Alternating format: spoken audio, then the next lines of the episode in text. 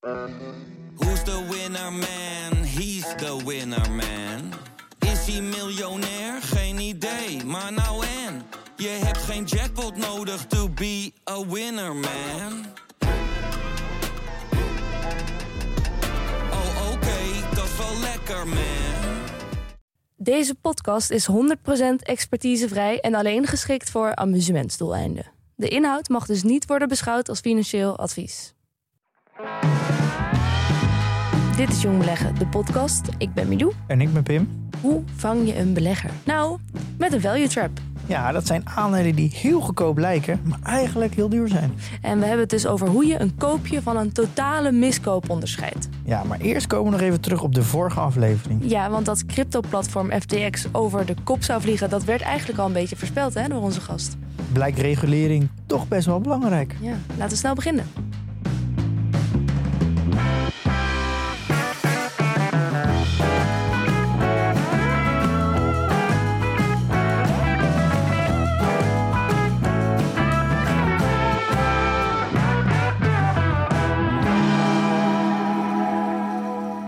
Week hadden we Jan Bart de Boer te gast.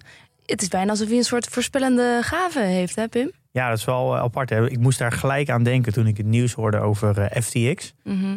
Eh, moest ik gelijk denken aan de, de opmerking van Jan Bart. Ja, want toen hebben we het ook even over crypto gehad en wat er allemaal aan de hand is. En hoe je, hoe je nou zeker weet dat dat allemaal goed gaat. Ja, het, het ging de, de- voor mij de, de vraag die hij stelde van ja, het is wel heel inefficiënt alles. Al die schakels ertussen moet niet alles één doen. En toen gaf hij de opmerking inderdaad dat een reden is waarom er zoveel schakels tussen zitten.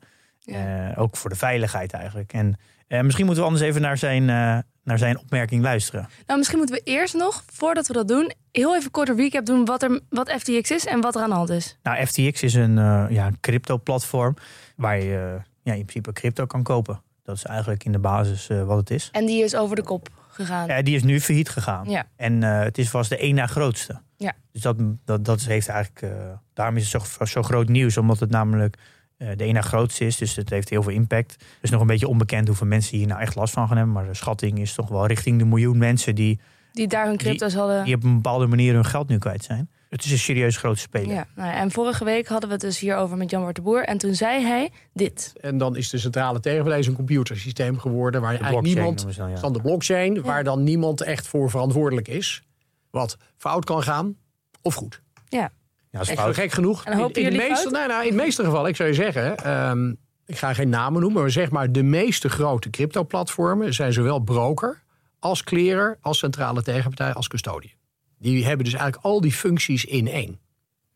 Dat Wat potentieel gevaarlijk. efficiënt is, maar aan zich ook wel weer kan leiden tot mindere uitkomsten. ja want wie zegt dat het belang van de gebruiker... eh, wel als op een systeemrisico. Dat is natuurlijk wachten tot het. Nou ja, er is, de, de, de, de wetgevers hebben niet voor niets een soort onderscheid. hè. De centrale tegenpartijen zijn juist na 2008, hè, na de grote financial crisis, heel erg op de agenda gekomen bij eh, toezichthouders en ook bij politici. Ja. Zelfs een, een G20 gewijd aan we moeten meer centrale tegenpartijen hebben. Ja, nou, dit is natuurlijk, eh, daar geeft natuurlijk een heel mooi probleem aan. Dat was eigenlijk, eigenlijk het probleem bij FTX niet. Dat er, het is gewoon zo'n soort van black box geworden. Het is, dat is het per- nadeel natuurlijk wat Jan Bart omschrijft. Als het, als het alles in één partij is, dan kan natuurlijk niemand zien. Niemand kan in de boeken kijken eh, of dingen wel kloppen. Eh, en daar gaat het gewoon ja, helemaal fout. En eh, het is natuurlijk ook een extreem mismanagement. Als je leest wat er allemaal gebeurt, is dat er heel veel geld ook weggesluist is. Dat er risicovolle investeringen mee zijn gedaan. En dat, het, ja, dat ze met een soort groepje vrienden op de Bahama's zaten en dit bedrijf runden. De, mhm. de privéjets gekocht zijn. Daar klopt natuurlijk aan alle kanten helemaal niks van. Maar zeggen we dan eigenlijk dat blockchain op zich een mooie technologie is... maar dat het ook niet alles kan nou, dit heeft, niks, dit heeft helemaal niks met de blockchain te maken. Nee, maar we, we- mensen die hebben als het argument bij crypto dat er een blockchain is, dat het een nieuwe wereld is en dat we al die, al die centrale organisaties niet meer nodig hebben, dat het ook decentraal kan. Ehm, En, en dat, dat blinde vertrouwen in de blockchain betekent niet dat er niet alsnog ergens een manager nodig is die ook de boel kan verstieren. Nou, het probleem zit hem. Ik weet natuurlijk niet extreem veel van crypto, maar je kan namelijk je, je wallet ook zelf beheren. Ja, dan, heb je natuurlijk, dan is het een soort van decentraal. Dan heb je natuurlijk geen tussenpersonen. Alleen dat is natuurlijk best wel omslachtig. En de- ja, zeg er 99% van de cryptobezitters, die is daar eigenlijk ja, te lui daarvoor om dat zelf zo te organiseren. want het is heel ja. inefficiënt. Ja. kost heel veel tijd, niet zoveel moeite. En als je hem kwijt bent, dan ben je hem ook echt kwijt. Dus wat gaan ze doen? Ze gaan dat via een partij doen. Zoals, ja, FTX. zoals FTX. En die gaan het dan voor jou regelen. Ja, ja. Maar ja, dan moet je wel vertrouwen of zij het goed doen. Ja. En dat is eigenlijk niet heel anders dan hoe, hoe een bank werkt. Je vertrouwt ook de bank en eh, de broker. eh, en is dat in dit geval dan achter de broker de custodian om jouw aandelen te beheren. ja. Eh, dus het is in, de, in, de, in onze, zeggen we, de aandelenwereld is er geen, en in de bankenwereld is er geen mogelijkheid om het zelf te beheren. En dat kan bij crypto wel. Alleen bijna niemand doet dat. Iedereen doet het via een, gewoon via een crypto-platform. ja. Die adverteren ook heel veel van, wij bewaren wel de, de crypto's voor jou. En je ziet het, daar is geen regulatie. Eh, en ja, dan krijgen natuurlijk heel veel partijen gewoon ja, van eh, vrij spel. En dan moet je maar hopen of ze het goed doen. Nou ja, in dit geval ging het goed fout. En al, bijna alles wat je kan bedenken is daar wel fout gegaan. En dat heeft natuurlijk gewoon te, dat heeft gewoon te maken met mismanagement en hebzucht van, eh, van, de, van het managementteam daar. Eh, maar er is natuurlijk een reden waarom de financiële wereld al die lagen heeft. En Ja. ik heb toen deze week ook gebeld met iemand van de Europese Commissie, die daar al 32 jaar werkt. Oh. Om, en die heeft ook de, de crisis in 2008 meegemaakt. En eh, Wat ja, is zijn die, functie? eh, die zit in, de, in het Europese Commissie om eh, van beleid voor de financiële wereld en regulatie. En die zei, we zijn sinds 2000, want deze fouten zijn natuurlijk ook, zijn ook geweest in, de in de financiële wereld. En die kwamen natuurlijk in 2008 natuurlijk heel erg aan het licht. Ja. En ze zijn daar compleet veranderd vanaf dat moment van is gewoon reageren op als er iets fout gaat, naar we gaan vooraf gewoon alles reguleren. En dat Ja. merken we, merk je nu ook aan de banken, dat sinds 2008 dat ze gewoon kapot gereguleerd worden. Maar de, daar is in de Europese Unie is het beleid veranderd, eigenlijk in de hele wereld wel, van we gaan proactief reguleren. Ja. En er is natuurlijk een reden waarom dat gebeurt. En daardoor krijg je al die lagen ertussen die Jan Bart omschrijft. En in de cryptowereld heb je natuurlijk helemaal geen regulatie. Dus er is niks gereguleerd. Dus je moet ook maar hopen. En je kan ook niks zien. Het zijn allemaal, al die bedrijven zijn private. De enige is Coinbase die publiek is. Je kan eigenlijk ook niet zien of het goed gaat. Mhm. En nu proberen partijen wel boeken open te doen. Maar je kan helemaal niet. Je kan je wel de boeken zien. Wat voor vermogen ze erin zit. Maar je kan helemaal niet zien wat de, de soort van de verantwoordelijkheid is. Dus de, ja, wat zijn ze van schuldig eigenlijk. Dus het is een soort van. Ze doen transparant. Maar je kan er eigenlijk helemaal geen conclusies uit trekken. Dus het is wel een. eh, ja, het is, het is gewoon een, een probleem, die markt. En ik denk dat, dat die markt sowieso gereguleerd gaat worden uiteindelijk. Want dat, dat is de enige mogelijkheid dat. Als blockchain, als, als crypto nog een soort van toekomst wil hebben, dat, dat het... Nou, vooral voor de massa, denk ik. Ja. Ja. Kijk, en ik denk dat het, het begon met een, beetje idealisme. En dat je centraal een, een coin kon vasthouden. Dat kan natuurlijk nog steeds via je wallet. Maar ja, dat is zo ongebruiksvriendelijk. Dat het voor de massa niet toegankelijk is. Wat, dus, wat zijn er, er zijn allemaal crypto-platformen ontstaan die dat. Die, die eigenlijk die, ja, die drempel voor je weghalen. Ja. Maar ja, daardoor krijg je natuurlijk wel van die idioot grote partijen die gewoon heel veel geld beheren.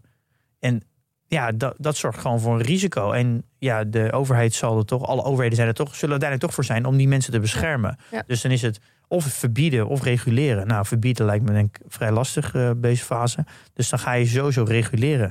Dus ik denk dat de, de eerlijke mensen in de cryptowereld, die zullen denk ik hier ook wel voor zijn hoor. Want ja, dit, is, dit geeft natuurlijk heel veel schade aan, aan alle crypto-platformen. Ja. Je ziet alle mailtjes die nu, nu eruit gaan van alle crypto-platformen van wij zijn wel veilig.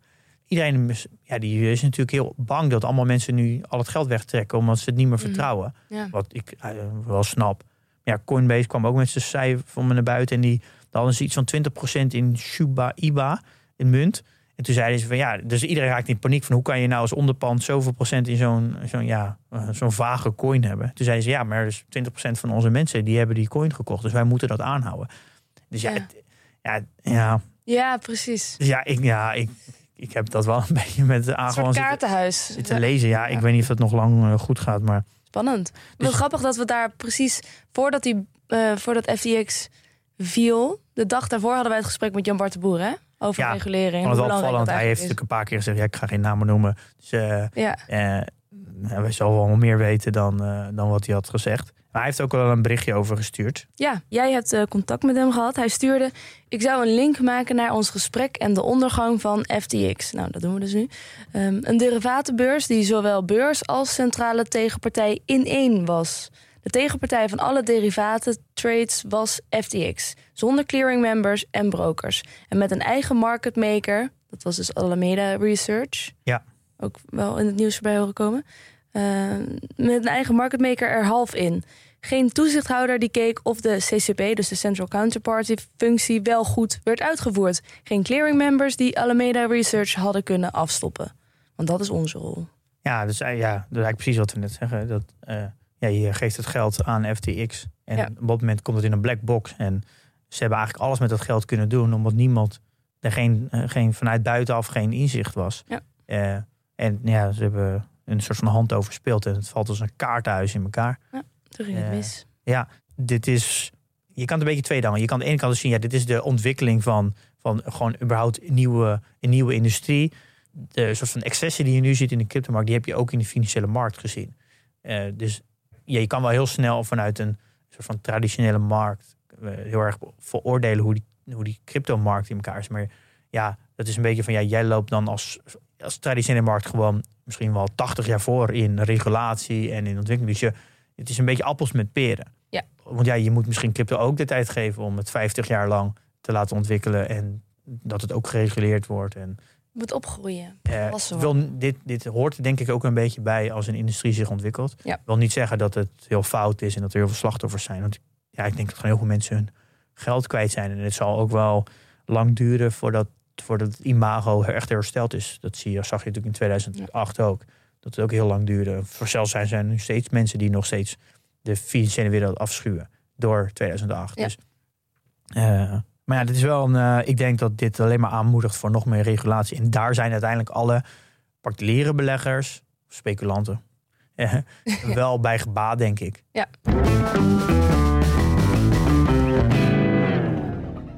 Nou, goed om even op terug te komen. Eh, maar dat is niet het onderwerp verder van deze aflevering, want we hebben een heel ander onderwerp uitgezocht. Ja. Value traps.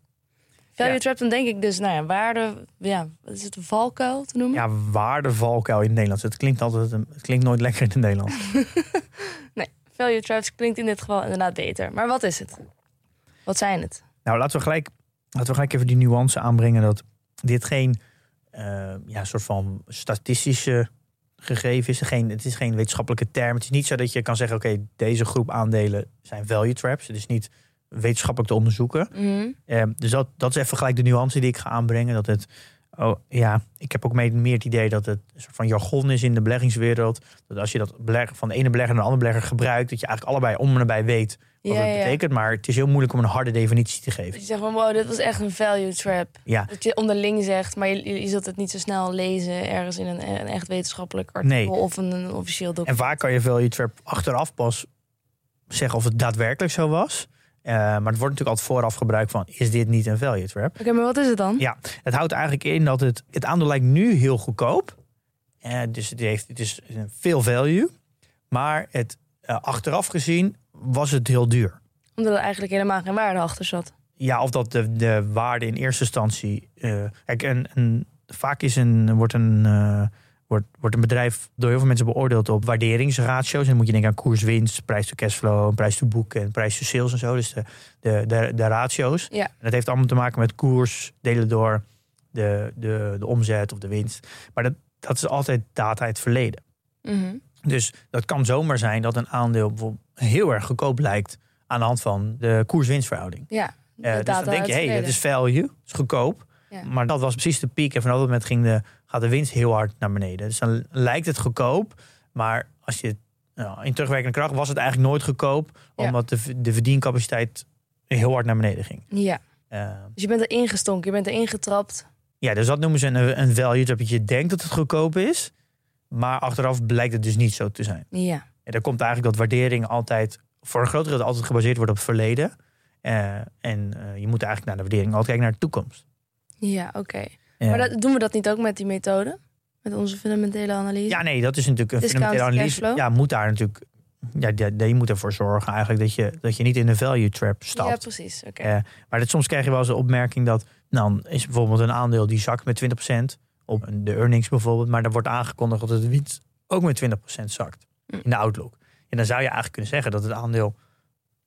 Ja, in eerste instantie zou je kunnen zeggen: het aandeel is goedkoper geworden. Want de outlook die wordt gegeven, dus de, de, toekomstige winsten, die zitten natuurlijk niet verwerkt in de winsten van nu. De koers zakt gelijk met 20%, maar de winsten is er nog steeds hetzelfde. Want je kijkt naar de winsten van de afgelopen 12 maanden. Mhm. Dus dan is het in één keer lijkt het heel goedkoop.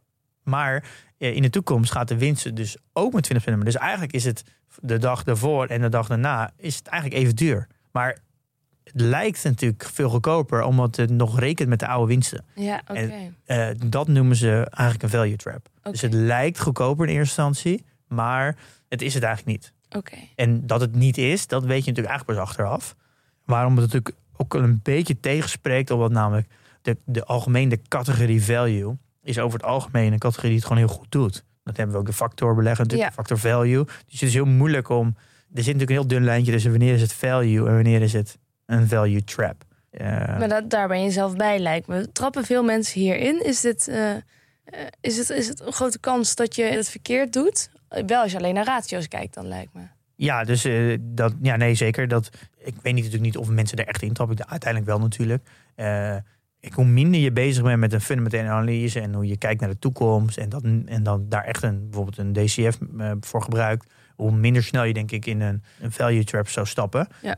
Hoe meer je oppervlakkig waardeert, dus naar wa- waarderingsratio kijkt, hoe sneller je in een value trap zou stappen. Ja. Omdat, je, omdat het namelijk altijd gebaseerd is op data in het verleden. En de koers altijd instant reageert, waardoor het heel snel goedkoop lijkt. Ja. Eh, En als je dan even kijkt naar nou, wanneer lijkt iets goedkoop. Eh, nou, goedkoop is meestal in verhouding tot iets anders. Dus je kan kijken naar, eh, zijn er sectorgenoten die veel duurder zijn? Of is er, was het vroeger was het misschien wel veel duurder dat het nu goedkoop lijkt? Of is het in vergelijking met de hele rest van de markt goedkoop? Het is altijd in vergelijking tot iets anders, toch? Dat ja, nee, natuurlijk. Je kan wel, ja, je kan wel een soort van peers vergelijken of relatieve vergelijkingen maken. Zoals bijvoorbeeld inderdaad met de, de, de industrie of de concurrenten of de sector. Ik, zou- ik zou het eigenlijk een beetje opdelen in, in, in misschien drie delen. En waarvan je echt kan zeggen, eh, daar komen value traps wel echt voor. En ik denk de eerste is dus een cyclisch aandeel op de top. Dat is denk ik wel misschien de meest bekende. Mhm. En misschien ook waar het makkelijkst een fout maakt als je eh, nog niet zoveel ervaring hebt. Ik, uiteindelijk beweegt alles wel in een cyclus. En sommige heel weinig. Maar er zijn ook een heel groep aandelen die extreem cyclisch zijn. En dan moet je bijvoorbeeld denken aan een eh ArcelorMittal, metaalbewerker. Mhm. Ah, dat is echt extreem cyclisch. Want ze doen het heel goed in tijden dat er bijvoorbeeld heel veel huizen nodig zijn. Ja, nou ja, homebuilders ook in Amerika, bijvoorbeeld tijdens corona. Dat ging echt, die winsten gingen daar echt keer tien omhoog. Ja. Dat zakt nu helemaal in. Dat is extreem cyclisch. Ja. En chippers waren dat eigenlijk ook altijd wel. Eh, er zijn best wel wat aandelen te bedenken die zijn extreem cyclisch. Nou, een Ja. reisbureau ook wel. Dus als het dan op de top van zo'n cyclus zit, het gaat fantastisch, business is booming, dan komt zo'n value trap voor. Ja, Hoe gaat dat dan? Ja, omdat namelijk als de, aan, als de winsten in, in een jaar tijd in één keer tien keer meer worden, dan, dan gaat de koers natuurlijk niet keer tien. Eh, want ja, iedereen weet ook wel dat dit aandeel natuurlijk, dat het tijdelijk is dat de winsten keer tien zijn. Dus de aandeel gaat misschien maar met, met keer één omhoog. Dus dan wordt het natuurlijk relatief in één keer heel goedkoop. Als de winsten tien keer stijgen, maar het aandeel verdubbelt, dan wordt natuurlijk de, ja, de koers-winstverhouding wordt dat jaar in één keer eh, ja, gaat, in, gaat in een factor vijf naar beneden. Dus dan kan het zomaar een koers-winstverhouding hebben van vijf. Ja, Dan denk je, hé, hey, dat is is goed. goedkoop. Dat is goedkoop. Ja. Maar ja, de, die winsten zijn onhoudbaar. Dus als het daarna, dat zie je bijvoorbeeld bij de homebuilders in Amerika, dat de winsten gewoon een keer tien gingen. Maar dat nu dit jaar is natuurlijk, wordt bijna niks meer gebouwd in Amerika. De rente gaat keihard omhoog. Het stagneert compleet die huizenmarkt. Ja, Dus ja, de winsten verdampen daar volledig. Die, die, als je dan in één keer op de huidige koers gaat rekenen met een winst wat tien keer minder is. Ja, dan is het aandeel wat eerst vijf was, in één keer vijftig keer de winst. Ja, dan is het in één keer heel duur. Ja. Eh, en daar zit, denk daar zitten de meeste value traps. Een cyclisch aandeel lijkt altijd het goedkoopst op de top. Eh, omdat het namelijk altijd eh, rekent met data uit het verleden. Want je, ja, die koers-winstverhoudingen, zo'n prijsboek worden altijd gebaseerd op vaak de, de ja, tra- trailing 12 months. Dus Ja. de laatste 12 maanden. Eh, en de koers die kijkt altijd verder. Ja. Dus dan krijg je een dubbel. Dat de markt denkt, hé, hey, wacht even, die, ik ga nu mijn winsten pakken en ik zie dat, dat het alleen maar minder gaat zijn. Eh, de komende tijd, dus die aandelen, de koers zakt al, maar de winsten, die, die trailing 12 months, die blijft natuurlijk hetzelfde. Ja. Dus het wordt, wordt alleen maar goedkoper. Dat is dat- echt een het- value trap. het, het klinkt vrij logisch en ook wel simpel. Tegelijkertijd is het natuurlijk best wel moeilijk om in te schatten wanneer een, een aandeel in een cyclus op zijn top zit. Dat Ja. vaak pa- pas achteraf te zeggen. Ja, je, daarom is het heel belangrijk dat je bij cyclische aandelen heel erg kijkt naar de gemiddelde van de afgelopen vijf jaar of afgelopen tien jaar. Dus kijk je nou, wat is de winst van eh, gemiddeld over die hele periode? Ja. En dan pak je wat is eh, wat zijn, welk jaar is het het allerlaagst geweest? Dus dan zou je zeggen, nou dat is misschien de, het laagste punt in de cyclus geweest. Wat, wat is het hoogste punt geweest, de hoogste winst? Dan haal je bijvoorbeeld die eruit en dan weet je ongeveer, kan je het gemiddelde bekijken. Ja. Dan, weet, dan weet je dus ook wat, hoe diep het aandeel kan gaan. Qua verlies eigenlijk, soms zelfs verlies of, of winst. Eh, en wat gemiddeld is. En dan kan je, moet je daar een beetje mee rekenen. Als je met Ja. die winsten rekent en dat deelt door de koers, dan weet je om nabij wat een beetje de gemiddelde koers-winst zou moeten zijn. Het is heel belangrijk om van even uit te zoomen. Ja, en dan kan je veel beter zien of het Ja. aandeel nu goedkoop is of niet. Ja. Ja, dus dat is een, eh, een- iets wat, je, wat heel belangrijk is om te doen. Mhm. En sommige cyclus zijn heel duidelijk, maar er zijn natuurlijk ook sommige cyclus die zijn ja, door omstandigheden gecreëerd. En bijvoorbeeld de coronacrisis is natuurlijk een hele rare crisis geweest. Waardoor er heel veel winsten echt op zijn opgepoetst, wat heel onnatuurlijk is. Als we nu nog steeds die, die terugkijken van de afgelopen twaalf maanden, zit die nog steeds verwerkt in heel veel eh, ratio's. Dus dat kan zomaar zijn dat daar best wel wat value traps zijn. Dan bijvoorbeeld online verkopen is natuurlijk door het dak gegaan. Dus dat gaat uiteindelijk weer normaliseren.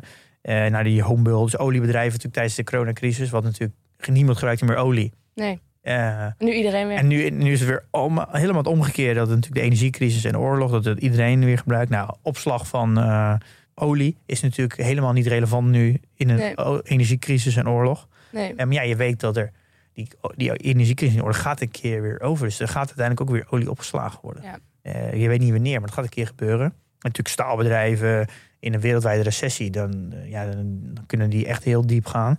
En eh, bijvoorbeeld luxe camperbouw, Tor die ik heb, die doet het in economisch onzekere tijden nog veel minder. Ja. Je moet daar echt, als je zo'n aandeel koopt en een soort van instapmoment wil bepalen, moet je heel erg kijken naar het gemiddelde van de afgelopen Precies. tien jaar. En daarop een instapmoment bepalen om te voorkomen dat je op de piek koopt. Ja. Eh, en in Nederland hebben we de OCI, dat is, ik probeer er ook nog een Nederlands voorbeeld bij te eh, zetten. Ik weet niet of je dat kent. Nee. OCI? Ja, dat is een, eh, het, is wel, het is een Nederlandse partij, maar het is wel wereldwijd. eh, het is een wereldwijde producent van stikstofhoudende meststoffen en chemicaliën. Mhm. En het heeft allemaal productielocaties over de hele wereld. En ja, die maken eigenlijk kunstmest in grote lijnen. En de gasprijs gaat natuurlijk door het dak. Dus Ja. dat is eigenlijk de grootste grondstof voor, om kunstmest te maken. Maar zij doen dat op plekken waar de gasprijs nog gelijk is gebleven. Omdat ze het allemaal buiten Europa produceren.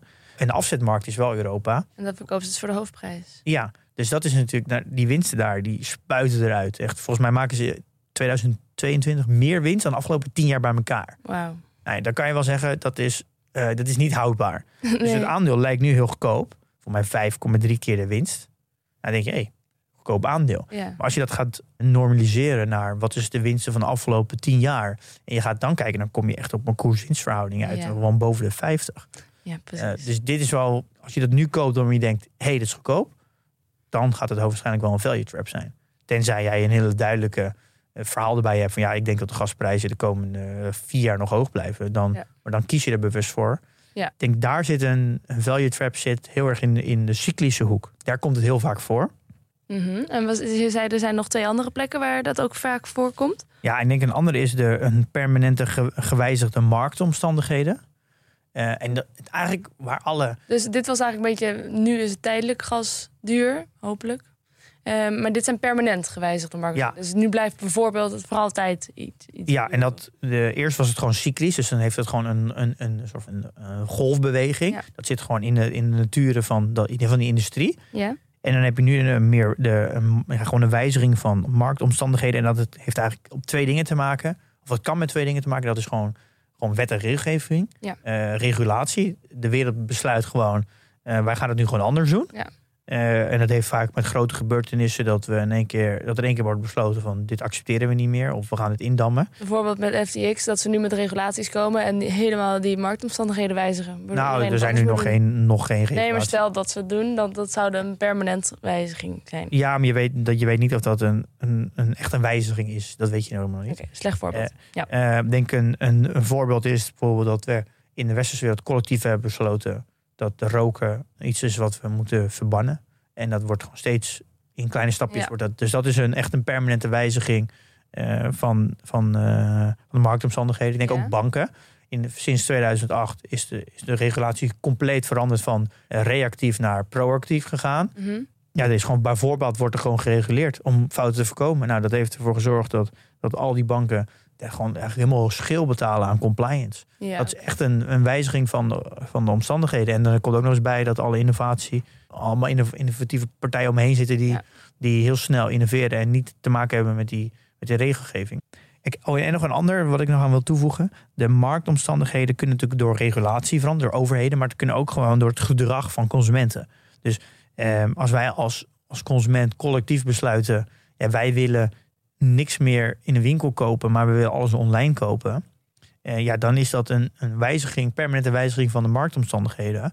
Ja, dat is door consumenten besloten. ja. En dan gaan daar bedrijven last van hebben, zoals vastgoedbedrijven die Ja. winkelpanden bezitten, maar ook retailers die fysieke winkels hebben en niks online verkopen. En hoe zie je dan dat het tot een value trap kan leiden? Nou, in de basis is een value trap als de toekomstige winsten en omzet extreem onder druk staan. Dan zegt dat het eh, ergens een kantelpunt is. Zeg, nu eh, piekt in één keer, iedereen gaat nu nog naar de winkels, maar vanaf dat moment, eh zeg vanaf volgend jaar, wordt het aantal mensen die naar de winkel gaan steeds minder. Dan gaat de winsten, die zakken dan ook steeds verder. Ja. Dus dan kan, en vaak reageert de koers daar al een beetje op, maar die rekent nog met de winsten van de afgelopen twaalf maanden. Dus dan lijkt het goedkoop, maar omdat de winst elke keer zakt, was het eigenlijk nooit goedkoop. Nee. Elke keer denk je, hey, het is goedkoop, maar de winst zakt weer verder. Ja. Oh, dan was het eigenlijk toch niet goedkoop. Denk, en dan zakt de winst, reageert de koers erop. Ja. Wordt het, denk ik, hey, het is weer goedkoop. Ja. De, de winsten zakken weer verder. Dus elke keer leek het goedkoop.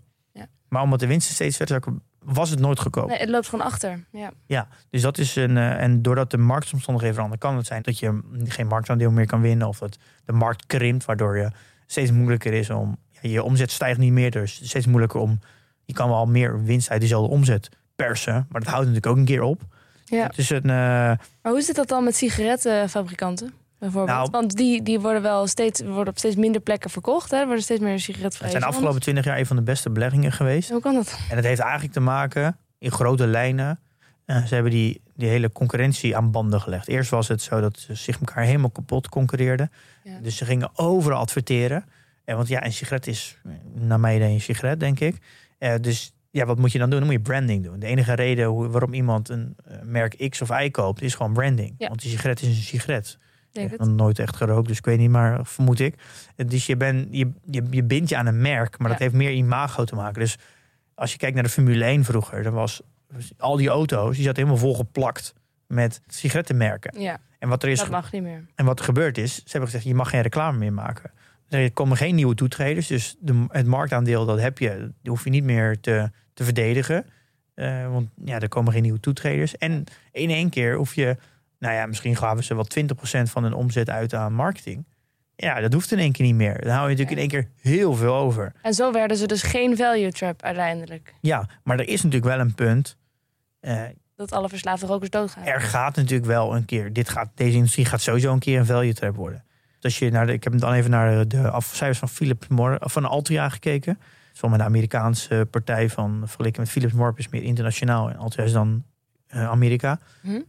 Daar zag je in de afgelopen tien jaar dat de omzet, namelijk elk jaar, stukjes nog een klein beetje groeide. De winst groeide, de dividend groeide mee met dezelfde verhouding. Om, dus het, het, je kon aan alle andere cijfers helemaal niet zien dat een value trap was, want alles groeide nog. Al zie je wel in de laatste twee jaar dat het wel aan het kantelen is nu. Oké. Eh, Het sluit niet uit dat het nu dat het hoogtepunt in die sector wel geweest is. Dus dat is nog een plek waar je ze veel tegenkomt. Die permanent gewijzigde marktomstandigheden. Ja, ik, ik denk waar je ook naar van naar kijkt, en we misschien, dat kan je misschien iets beter mee identificeren als luisteraar, is dat je de bekende ontwikkeling bijvoorbeeld de on-premise naar de cloud. Nou, vroeger moest De de on-premise, dus iedereen moest vroeger alles on-premise draaien. Dus alle bedrijven hadden een eigen server in hun, hun pand. En da- daar moesten de software op draaien. Ja. Dus dan moest er bijvoorbeeld een eh, SharePoint van eh, Microsoft of een IBM.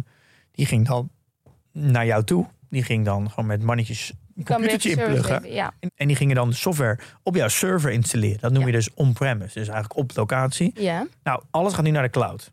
Niks is meer on-premise. Dus de, de bedrijven die altijd die een soort van de, de monopolie hadden om on-premise software te draaien voor bedrijven. Ja, die hebben te laat die switch naar cloud gemaakt. En dat is gewoon een vraag die bedrijven hebben. Ik wil gewoon in de cloud en niet meer on-premise. En ja, dat is een, een wijziging van marktomstandigheden. ja. Die eigenlijk partijen zoals een IBM en een eh, Xerox en eh, HP gewoon te laat hebben meegemaakt. Mhm. Eh, en ook het model van licentiemodel naar abonnementendiensten en van desktop naar mobiel. Ja. Dat zijn trends die, die de marktomstandigheden wijzigen en dan moet je mee. En als je niet mee kan, dan, dan komen je winsten onder druk te staan. Ja, en ik denk dat partijen zoals een IBM, Xerox en HP... Ja, het is misschien nog wat vroeg, maar ja, die, die hebben in de afgelopen vijf jaar basically niks gedaan. Mm. Dus ja, dat, dat, dat aandeel lijkt altijd goedkoop. Eh, dus heel veel van mensen die vinden, ja, denken, hey, het is goedkoop, kan niks fout gaan. Maar het is, ja, dat kan zomaar een value trap zijn. Ja. Dat weet je natuurlijk niet zeker. Eh, Weet je pas, vaak pas dus achteraf. ja, maar zolang je niet, ja, zolang de omzet constant daalt, uiteindelijk kan je niet, dan gaat je winst ook dalen. Ja. Wie zegt dat het dan weer opeens gaat stijgen uit het niets? ja, dan moeten ze dus ja, uiteindelijk wel die, die een innovatieslag maken om weer mee te gaan met Ja. Maar daar moet je wel heel veel geld voor hebben. Ja. En dan moet je ook de mensen voor kunnen vinden die, die, dat, die dat ja, met jou samen kunnen doen. Ja. Dus dat is een, eh, dat is misschien wat meer van het nu. Mhm. Eh, al moet wel zeggen dat natuurlijk een value trap kan ook natuurlijk zijn een turnaround. Want als, een, als het aandeel wel, bijvoorbeeld misschien is Intel misschien ook wel een mooi voorbeeld. Dat wordt ook wel heel vaak genoemd als value trap, omdat de afgelopen vijf jaar ook, ook niet echt bewogen. Het heeft eigenlijk dat een heel groot marktaandeel en het krimpt steeds meer. Het verliest eigenlijk van, eh, van heel veel andere chipmakers in Amerika. Mhm. Alleen die hebben wel, die verdienen nog wel heel veel geld en die zijn volle bak aan het investeren om, om weer helemaal mee te gaan. Dus het, Oké. dat zou ook wel, een, het is misschien nu echt wel een flinke value. En misschien wordt het ook wel een trap. Maar als ze, ja, de ontwikkeling zien er wel positief uit. Ze worden ook gesteund door de Amerikaanse overheid. Dus het kan zomaar zijn dat het een turnaround wordt.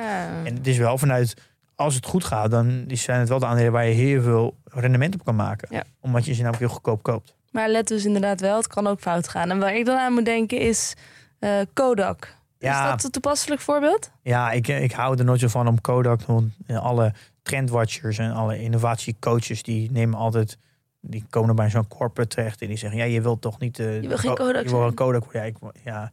Ja, maar even, want, dat was natuurlijk de technologie. Dat ging digitaler en zij bleven bij de rolletjes. En dat, dat ging allemaal niet. Ja, nou ja, dat is natuurlijk een, een, in de basis hetzelfde als die. Als ik als voorbeeld geef dat bedrijven die on-premise software op Ja. licentie deden en alles naar de cloud gaat nu met abonnementdiensten.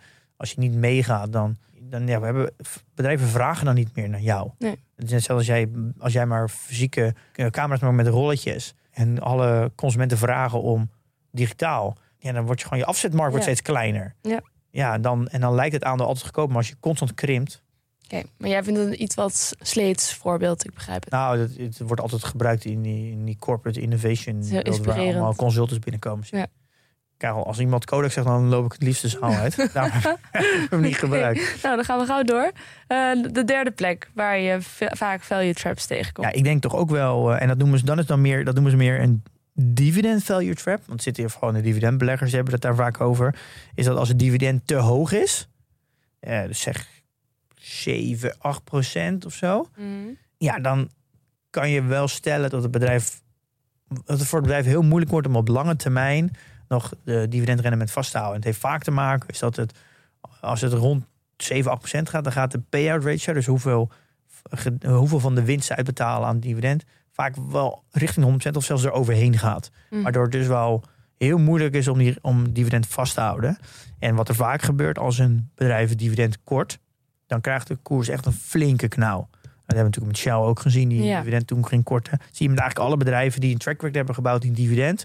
Dan, dan ja, het is ook een beetje een aan, je krijgt de aandeelhouders die je verdient. Dus als jij een, een track record aan het bouwen bent van dividendverhogingen, of voor heel lang dividend blijven betalen, dan krijg je ook allemaal aandeelhouders die daarin gaan zitten voor het dividend. Ja. Dat is een beetje wat je creëert. Ja. Dus als je dan je dividend gaat korten, dan gaan heel veel, heel veel aandeelhouders weg. Omdat denken, ja, ik zit hier voor het dividend en jij gaat het korten of, of helemaal stoppen. Ja, dan ben ik weg. En daar gaat de koers natuurlijk een flinke knauw. Want dan wordt Ja. vraag en aanbod, die komt scheef. Ja, daar zit denk ik ook wel een, een echt een value trap. Dividend value trap. Want eh, Sowieso kun je afvragen van als je zoveel dividend uitkeert, hoeveel winst ga je dan nog in de toekomst maken? Als je blijkbaar geld weggeeft in plaats van het investeert in je bedrijf. Ja, dat is natuurlijk een, een, een ligt een beetje aan het model. Ik denk Wereldhaven misschien wel mooi voor het vastgoedbedrijven. En dan vooral winkelvastgoed. Hij heeft altijd een hoge dividend. Maar het gaat de afgelopen vijf jaar alleen maar naar beneden. Eh, de, ja, de winsten lopen gewoon langzaam terug. Dus het is steeds moeilijker om het dividend te blijven verhogen of aan te houden. Ja. Dus ja, dan moet je misschien lenen om dividend te kunnen betalen. Nou, dat is dan een soort van, dan zit je echt op het vinkentouw. Dus je gewoon Ja, dan zit je geld echt, door te sluizen. ja maar dan zit je wel echt eh, op het randje. Ja. Eh, dus dan is een, een dividendverlaging natuurlijk niet een. Ja, het ligt iets wat heel erg voor de hand ligt. En als dat gebeurt, dan gaat de koers natuurlijk nog verder naar beneden. Ja. Eh, Dus wereldhaven heeft ook wel te maken met veranderende marktomstandigheden, omdat er steeds minder mensen naar een winkel gaan. Dus ja, dat, ja, daar moet je denk ik ook heel erg op letten. Als je dividend belegt dividendaandelen, dat, dat er ook heel een dividend value trap is. Ja. En dan kijk je vooral naar de payout ratio en ja, groeit de winst nog? Want als de winsten niet meer groeien en, ze, en het doel is dat ze jaarlijks een dividend verhogen, dan komt het, gaat het een keer, Ja. gaat het een keer piepen en kraken. Als de winsten niet meer groeien, dan kun je mogelijk doodbloeien.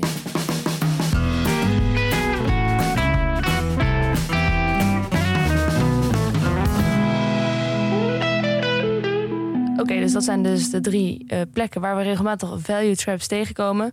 Maar Pim, bestaat het gewone koopje dan helemaal niet meer? Of bestaat het nog wel? En hoe onderscheid je dat dan van een value trap? Want een koopje is natuurlijk wel goed.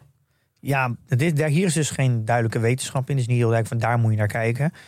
En waar je denk ik wel heel erg op kan letten, is naar wat is het, de meerjarige daling van het marktaandeel. Dus eh, dat is een soort van allemaal red flags.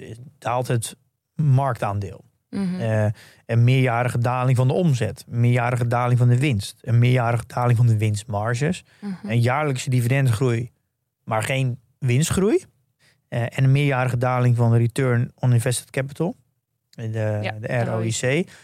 Dat zijn wel als, ja, gewoon, dat zijn nu zes dingen die ik noem, als daar, Ja. dat zijn gewoon allemaal red flags. En dat betekent niet dat als dit allemaal gebeurt, dat het per definitie een value trap is. Alleen, ik denk dat als je deze zes dingen, een van deze zes dingen of meer, dat je, dat je dat als red flag moet zien en dan moet gaan onderzoeken, wat voor verhaal kan ik hierbij maken? ja. Zie ik dat deze lijn wordt doorgetrokken of zie ik een verhaal dat de markt veel te negatief is en zie ik de komende jaren een, een verandering Ja. in die lijn? Ja. En is dit meer een, een tijdelijk iets? En als jij die verandering ziet in die lijn en je, je kan dat goed onderbouwen voor jezelf aan de hand van een fundamentele analyse, ja, dan kan het zomaar een koopje zijn. En dat maakt een beetje het onderscheid tussen, denk ik, de goede belegger en de minder goede belegger. Is dat, ja, ja, kan jij dat verhaal maken en kan je dat verhaal zien, kan je dat voor jezelf onderbouwen? Ja. Dat is wat Dennis natuurlijk ook zei Ja. tijdens eh eh, eh, Jong Beleggen, de show. Contrair handelen is natuurlijk, heel, kan heel lucratief zijn. Is die koopjes zoeken. Maar in de basis mo- moet je nog wel altijd een goed bedrijf. Ja. Dat is de basis. Je, contrair gaan op slechte bedrijven heeft helemaal geen zin. Dus Nee. in de basis moet het nog steeds wel een goed bedrijf zijn.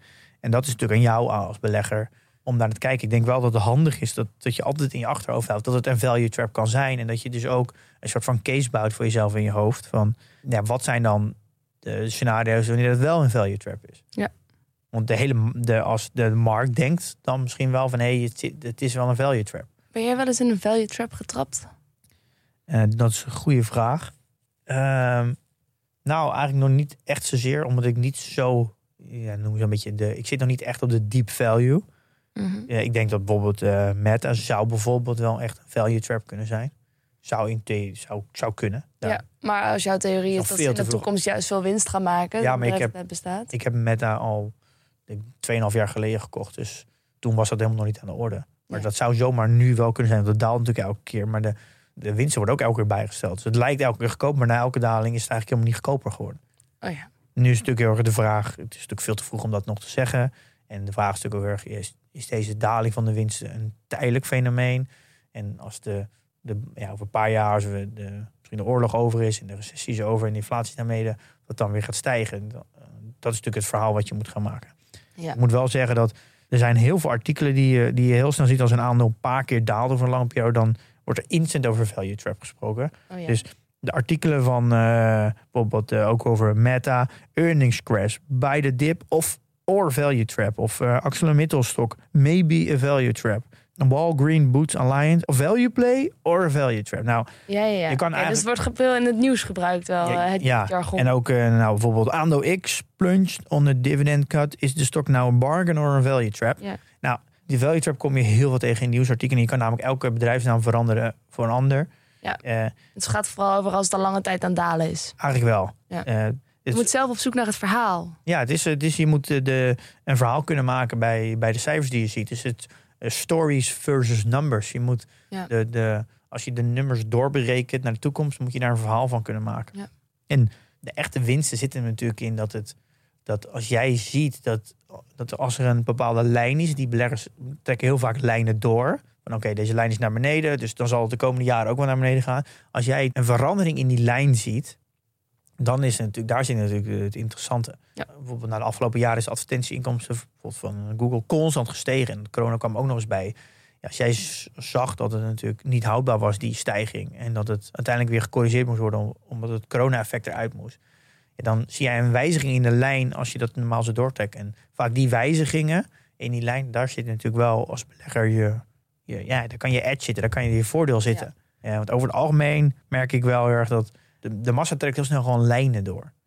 Oké, dat heeft het afgelopen jaar zo gedaan. Oké, dan gaat het afgelopen jaar dit ook weer doen. Ja, we zijn altijd op. We zien snel een soort samenhang en een verhaal in dingen waar het misschien ook wel anders kan liggen. Ja, dus heel snel lijntjes gewoon hè, lijntjes Actief doorzetten. construeren zo'n verhaal en niet Ja. gewoon automatisch met je hoofd een lijn zetten. Ja, nou ja, heel technisch analyse is natuurlijk gebaseerd op gewoon lijntjes trekken en dan hopen van oké, eh, dit is een patroon die in het verleden ook geweest. is. Dan, gaat, dan trek ik heel veel lijntjes en dan gaat dit nu ook weer gebeuren. Ja, maar vergeet de psychologie niet, hè? Ja, ik geloof daar niet zo heel erg in. Pim, ik wil heel graag lid worden van een community en PDT gebruiken. Maar wat moet ik doen? Hoe moet dat eigenlijk? Ja, Die vraag krijg je nog wel eens, toch? ja, Blijkbaar onduidelijk. ja het, is blijkbaar nodig. Ik, je, je moet wel even het verhaal door me heen vertellen. We hebben Ja. ehm, een jong belegger event gehad. Ja. En daar waren verrassend veel mensen die ik heb gesproken, die dus niet wisten dat er een community was. En niet wisten dat er dat PDT bestond. Ja. De portfolio dividend tracker. Waar ik natuurlijk eigenlijk een beetje van mijn stoel ben gevallen. Van, hoe kan het nou zijn dat als je alle afleveringen hebt gehoord dat je dit niet goed door hebt? En dan krijg ik dus ook heel veel opmerkingen van mensen die in de community zitten. Van hoe kan het nou zijn dat ik zoveel mensen heb gesproken die, die niet wisten van het bestaan van de community? En Dirk heeft mij een bericht gestuurd. Misschien wil jij die even voorlezen. Want ik laat Dirk nu gewoon de marketing doen Ja. voor PDT en de community. Dirk schrijft. Hoi Pim, ik ben grote fan van de podcast en ben ondertussen iets meer dan een jaar bezig met beleggen. Ik was op het Jong Beleggen event en veel mensen die ik daar sprak waren nog geen vriend van de show. Wat mij verbaasde eerlijk gezegd. Ze snapten de PDT nog niet en wisten niet dat er een community was. Ikzelf vind de community echt net zo waardevol als de PDT en zou het leuk vinden als meer mensen zich aansluiten om ideeën en gedachten met elkaar te delen. Misschien een idee om er tijdens de podcast nog een keer aandacht aan te besteden? Ga zo door. Goed, Dirk. Ja, nou ja, daar heb ik natuurlijk direct op gereageerd. En ik, dat viel mij dus ook op. En toen heb ik dus eigenlijk gezegd, ja, volgens mij promote ik het al voldoende. In ieder geval, dat is mijn gevoel. Ja, Ja. Hij zegt dus van niet. Dus toen heb ik gezegd, nou, hoe zou jij het dan promoten? Dus Ja. heeft hij een bericht teruggestuurd. Ja, hij schrijft: Ik zou benoemen dat iedereen op een respectvolle manier zijn inzichten deelt in de community, daar ook om feedback vraagt om nog betere keuzes te maken en kennis op een laagdrempelige manier met elkaar te delen. En daarnaast is het gewoon een super toffe plek om gelijkgestemden te spreken en de PDT om goed overzicht te houden in een constant veranderende markt. Ja, nou, dankjewel Mooi- Dirk. mooi Eh, ja, eh, je zou iets in marketing moeten doen. Eh, ja, kort samengevat, je kan voor 5 euro per maand eh, een soort van vriend van de show worden. En dat kan op eh portfoliodividendtracker.com. En dan krijg je toegang tot de software om je portfolio in te beheren. Dan krijg je inzicht in je spreiding eh, van je portfolio, je allocaties, informatie over je holdings, een performanceberekening. Dus wat zijn je rendementen over een zo geselecteerde periode. Je kan benchmarken en je kan ook nog eens andere portefeuilles volgen. En je komt in een community terecht met allemaal beleggers die voornamelijk luisteren naar de podcast. En waar je dus kan praten over allerlei onderwerpen gerelateerd aan beleggen. Ja. En dat voor 5 euro per maand. En het is echt, de, de kracht zit hem daar in de massa. Hè? Hoe meer mensen in de community zitten, hoe meer feedback je van elkaar kunt Ja, krijgen en aan elkaar kan geven. Ja, ik durf wel te zeggen dat alle vragen die die daar wel een keer gesteld zijn. Er zijn echt duizenden Ja. topics gestart met allemaal vragen. Dus ja, gebruik de zoekfunctie en je vindt een antwoord op je vraag. Ja. Ehm, Want ik kreeg van de week ook een bericht van Etienne via Instagram. En hij suggereerde dat het misschien een idee was om een keer een aflevering rond literatuur rond beleggen te maken. Want eh, soms wil ik iets opzoeken wat jullie bespreken. En kom echt op de meest bullshit sites die er bestaan. Nou, ook voor dit soort vragen is natuurlijk de community eh, bij uitstek Ja, die, vragen zijn heel vaak al gesteld. Welke boeken moet ik Ja. lezen? En wat zou je me aanraden? Of nog zegt iemand, dit is mijn situatie nu. Dit, hier wil ik meer weten. Welke boeken raden jullie aan? Nou, dit is, boeken, topics, die zijn er eh, heel veel Ja. besproken. Dus ga lekker in de community. Eh dat doe je ook nog je vrienden en familie een heel groot plezier mee als zij niet van beleggen houden. Want het betekent dat je hun met rust kunt laten met je vragen over beleggen. En lekker met gelijkgestemden. eh, Ja, en je kan het ook nog eens, het ook nog eens een risk-free. Wat wil je daarmee? Omdat je het zeven dagen gratis kan proberen. Oh, Dus ja. als het niet bevalt, dan ben je gewoon weer weg. Dus je kan gratis proberen de PDT, maar ook Ja. de community. Ja, allebei. allebei. Je, Oké. Gewoon even zeven dagen even proeven. Ja. Een teentje in het water. Ja. En als het eh, blijkt dat je het te koud vindt, dan loop je lekker weg. Maar die kans die achten wij natuurlijk niet heel. Want eh, je bent er vrij zeker van dat mensen blijven na zeven producten, dagen. Ja. Dus eh, ik wil eh, Dirk bedanken ja, ik ook. eh, voor, eh, voor een stukje promotie. Dan zijn we er doorheen, hè, Pim. Ja. Heb je al een idee wat we volgende week gaan doen? Ja, we gaan het volgende week hebben over de earnings call. Oké. Nou, elk kwartaal komen, komen de bedrijven met cijfers. We hebben net het einde van de earnings season gehad. Dus er komen nog een paar bedrijven deze week. En dan gaat het bedrijf een presentatie geven aan alle beleggers. Hoe het afgelopen kwartaal is geweest. In, eh, vaak in eh, een gedeelte presentatie en een gedeelte vragen van analisten. En daar kun je heel veel leren over eh, hoe een bedrijf ervoor staat. En Ja. waar het naartoe gaat. En, en hoe het management is. Oké, en ik neem aan dat jij dan gaat vertellen wat we daarvan kunnen leren en hoe we dat kunnen leren. We gaan, we gaan er helemaal induiken. Oké, nou dat volgende week. Jongens, in de tussentijd investeer in je kennis en beleg met beleid.